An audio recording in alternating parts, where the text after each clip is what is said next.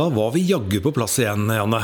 Nummer 101 blir dette programmet. Og denne gangen så blir det en spesialutgave, og det skal handle om noe som eh, Det er mange som blir truffet av det.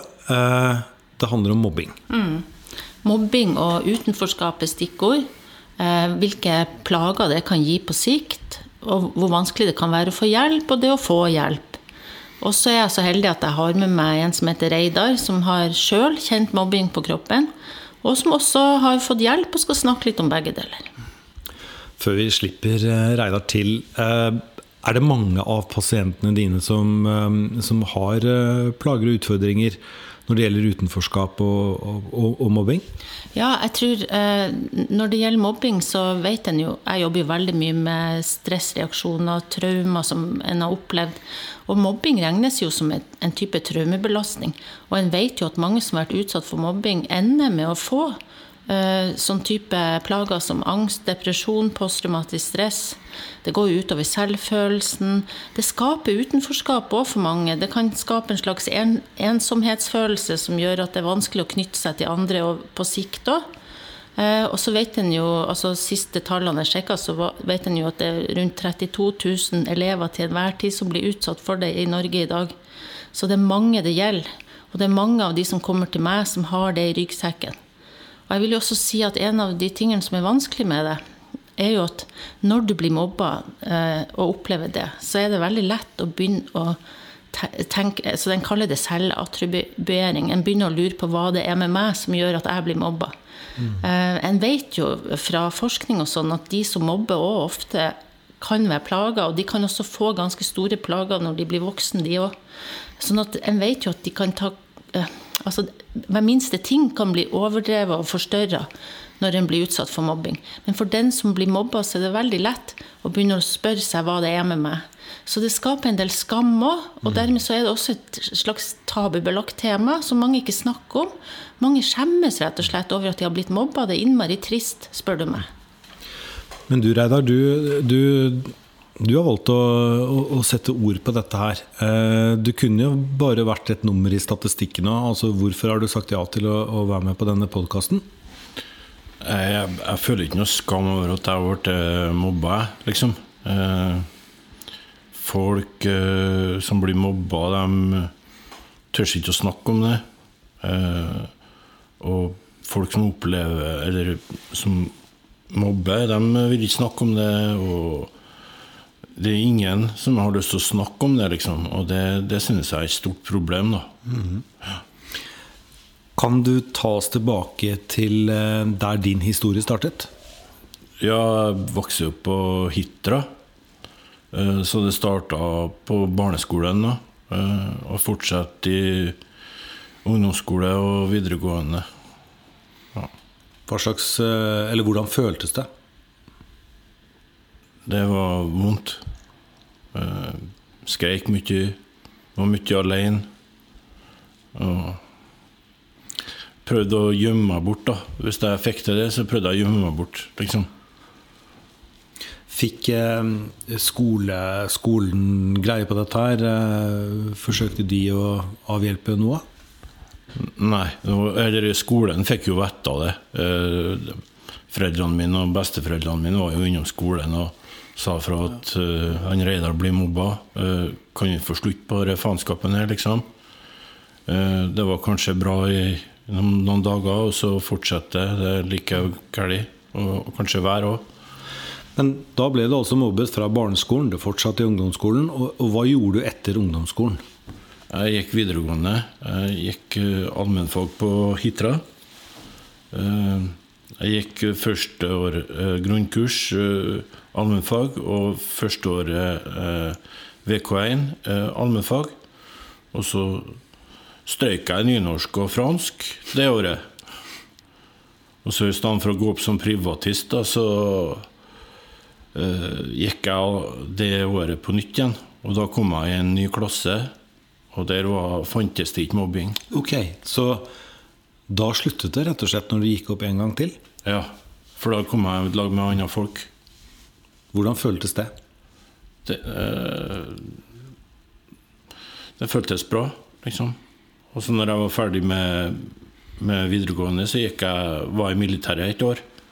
Og det var også helt eh, fantastisk. Det er ingen mobbing i, i militæret heller, liksom. Så.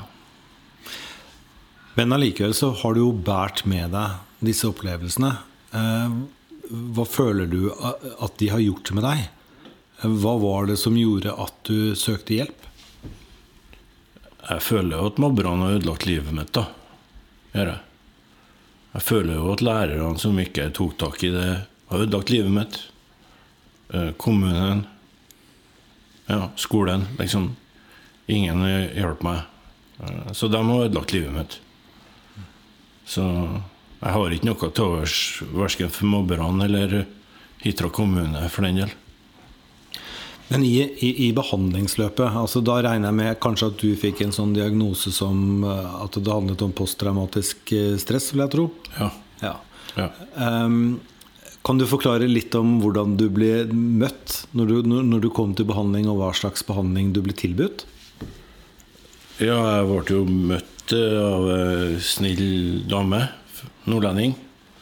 Jeg, jeg kjenner jo Jeg er jo halvt nordlending sjøl, så eh, Så nordlendinger er bra folk. Eh, Ja, vi er veldig uenige om mye, men eh, jeg skal la deg få den. Nå skal vi ikke le det bort, men det er også lov å le. Det er også Ja. viktig å huske på når man er i terapi. Ja, man skal jo Uten latter, så Stopper mye. Ja, da har ikke jeg levd hvis ikke jeg flirer litt.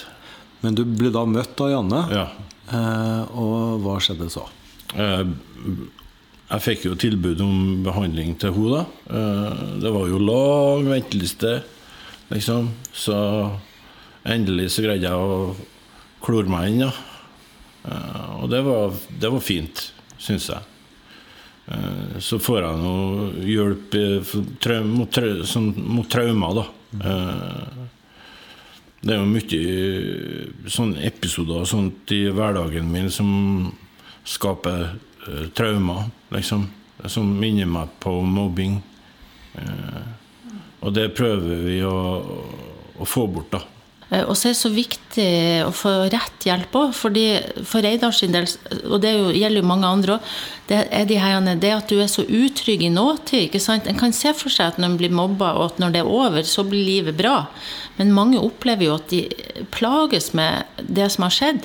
Eh, Og at ting som skjer her og nå, altså folk spesielt Mange plages med det her med ungdomsgjenger og, og noe som minner om Hvis noen snakker til deg i en skarp stemme, ikke sant, så minner det om det du opplevde, og så får du ganske sterke reaksjoner.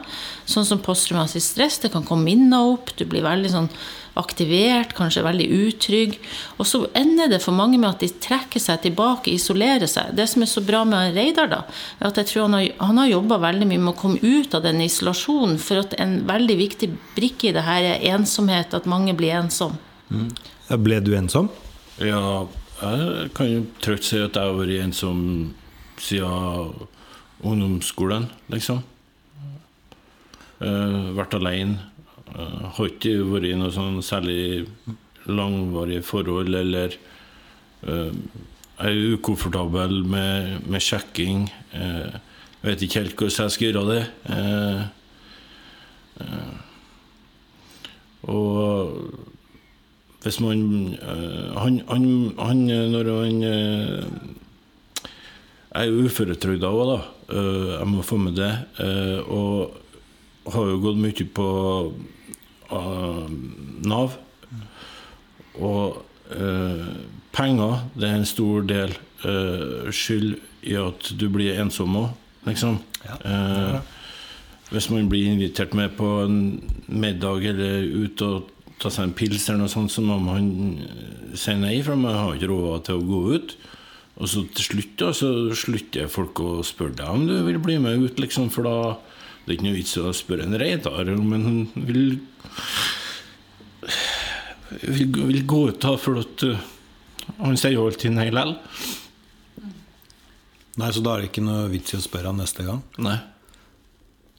Men det handler vel også om eh, at man innerst inne lurer på om Altså er en av årsakene til at man ble mobbet, at mobberne hadde rett? At man ikke fortjener venner, liksom? Altså tenker, tenker du sånn? Er det det som er en, som en sånn slags skygge? Jeg tenkte jo sånn tidligere, da. Liksom når en var yngre og ikke visste bedre at det er noe galt med, med meg, liksom. Hvis man blir kalt idiot lenge nok, så begynner man å tro på at man er en idiot, ikke sant? Men så, så kom du altså inn eh, og traff en psykolog Ja. eh, fra Nord-Norge. Jeg har prøvd eh, psykologer tidligere òg.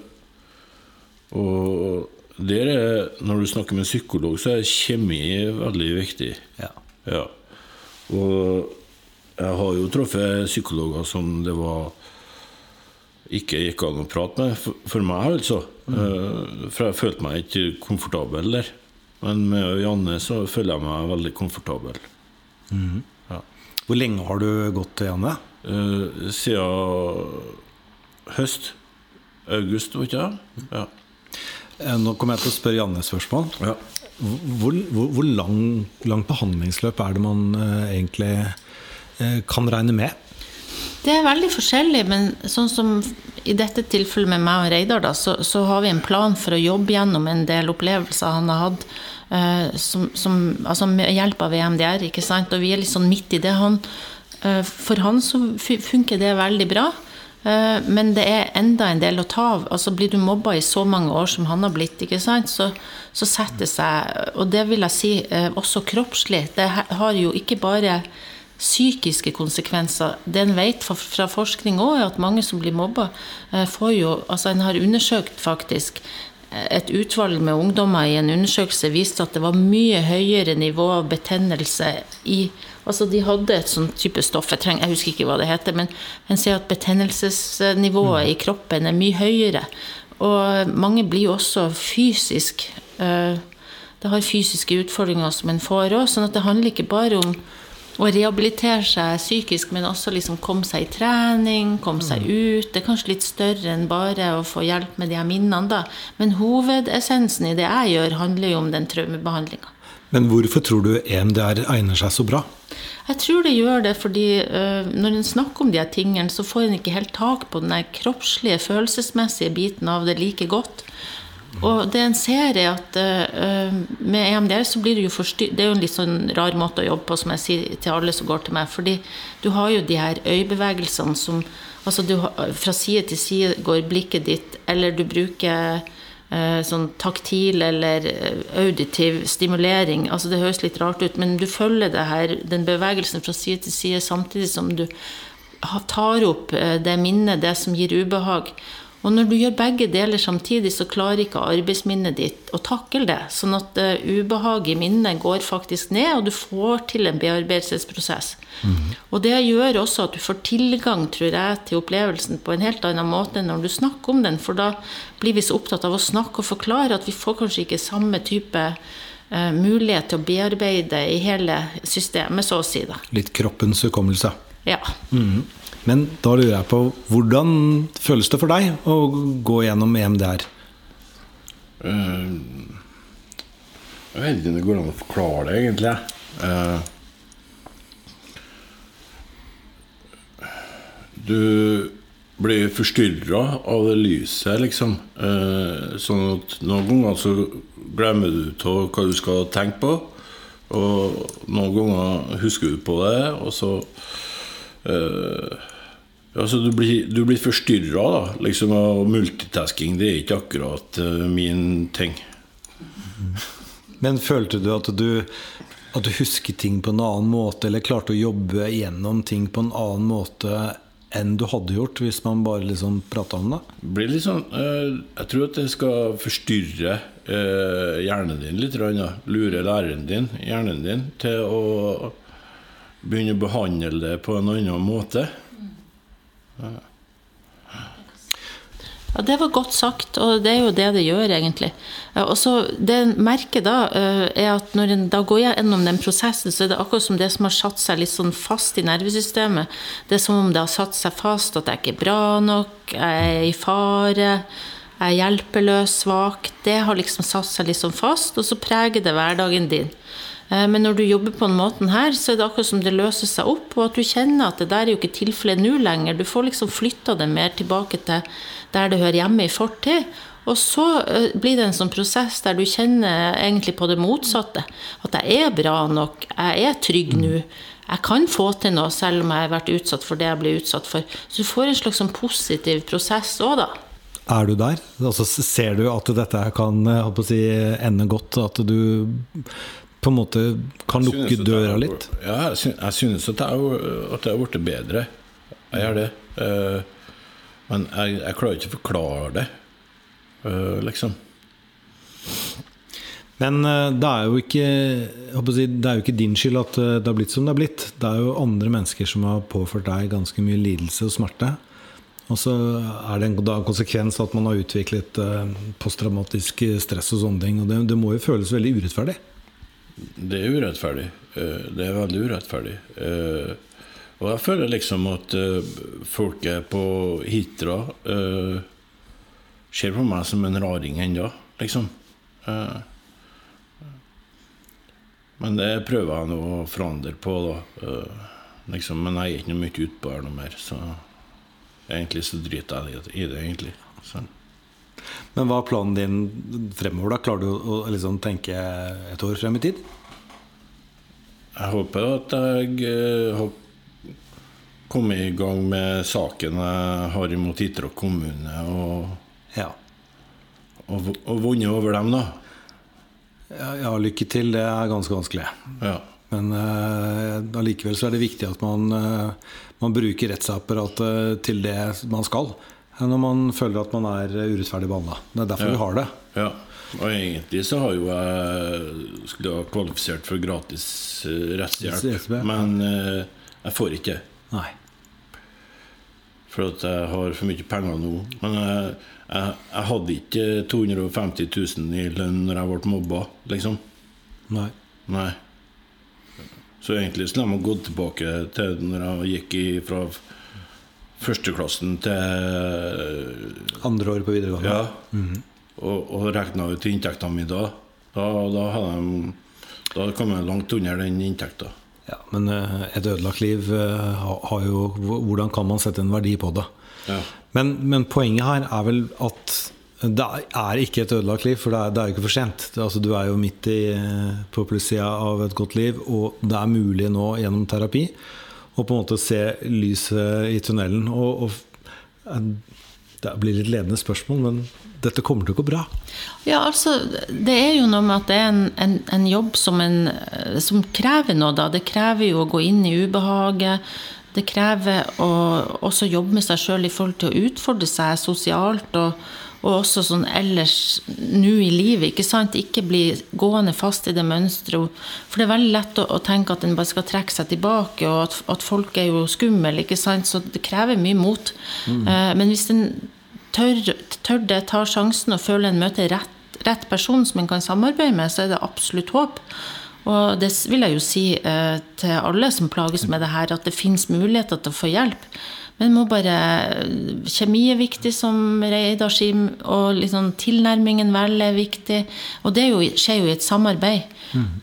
Så i hvert fall så er det ikke sånn at det bare å eh, late som om Eller sånn, bare slå en strek over det. Det har jeg og Reidar snakka en del om, blant annet. Det er jo ikke bare å, å si at det her skal eh, Det er glemt. En må, må liksom få lov å, å stå frem med det en har opplevd og bli møtt. For en av de tingene som er vanskelig med det her, er jo følelsen av å ikke bli trudd. Så det er så viktig å, å bli møtt og tørre å stå frem og, og liksom kjenne at en blir trudd, da. Og du får en sånn vond følelse i, i Jeg får, bruker å få det i, i mellomgulvet. da. Eh, For en sånn, det føles som et stort, svart hull som er midt i kroppen min. Og du blir lei deg. eh, Du, du føler liksom at eh, du ikke har vært en, en dritt, liksom. Og jeg håper at det er folk som hører på, som eh, vil slutte å mobbe, da. Eh, for det er ikke noe bra verken for deg eller dem du mobber. Eh, og konsekvensene de er skikkelig alvorlige. Det kan jo føre til selvmord i verste tilfeller. liksom. For det har jeg jo tenkt på eh, mange ganger når jeg var yngre. liksom, Når jeg lå i senga og skreik meg i søvne, liksom. Eh, ja. Har du truffet noen av de som mobbet deg igjen? Ja, det har jeg. Eh, Det er jo noen som har sagt unnskyld til meg personlig, liksom. Men jeg håper jo at de vil stå fram eh, og, og hjelpe meg i saken imot Hitra kommune òg. Og i dokumentaren som jeg holder på å lage om mobbing og Eller som, som blir Det er ikke jeg som lager den, da, det er Videomagi, Kim Jektvik som lager den. Men det er historien om meg, da. Ok. Ja, men det må du ha lykke til med. Ja. Det, det blir bra. Jeg vil bare si noe til det han Reidar sier her om å- å- hvor viktig det er. Altså, jeg tror de som, En ting er å slutte å mobbe eh, mens du driver med det. En, det er to ting til som er viktig. Det ene er jo alle de her som står og altså, Det føles jo ofte når du blir mobba som alle er med på det. Men saken er jo at det er ganske mange som er litt sånn passive tilskuere til mobbing. Eh, og, og det er òg veldig ille for de som blir mobba. Så det er sånn viktig hvis du er en sånn passiv tilskuer, er jo å tørre å være litt modig og, og si imot det der. Ofte er det jo sånn, dessverre, at de som mobber, kanskje har en del makt i den klassen de går i, og sånn, så litt sånn vanskelig å tørre å si fra. Det er punkt én. Punkt to er det som Reidar snakker om, at, at når du først har gjort det, så er det så viktig med den unnskyldninga å kunne stå ved at du faktisk har gjort det, og beklage det på en skikkelig måte. Det er det mange som ikke tør å gjøre, så de ender med å si at de ikke husker noe, og det skaper jo enda mer sår hos den som har blitt mobba. Ja, norske rettssaler er fulle av folk som ikke husker noe. Ja. Men eh, tusen takk for at du, du stilte opp, og lykke til både med film og, og rettssak. Og så får vi bare se da om det plutselig dukker opp en uh, program nummer 102. Eller hva planlegger du? Jeg tenker sånn at vi kan prøve å ha noen uh, opptredener nå og da, hvis vi får noen gjester eller noen tema som vi syns er interessant. Det var jo veldig ok å ha et program nummer 101, så vi tar jo gjerne 102. Og vil takke spesielt til han Reidar som stiller så modig opp. Det er kjempefint.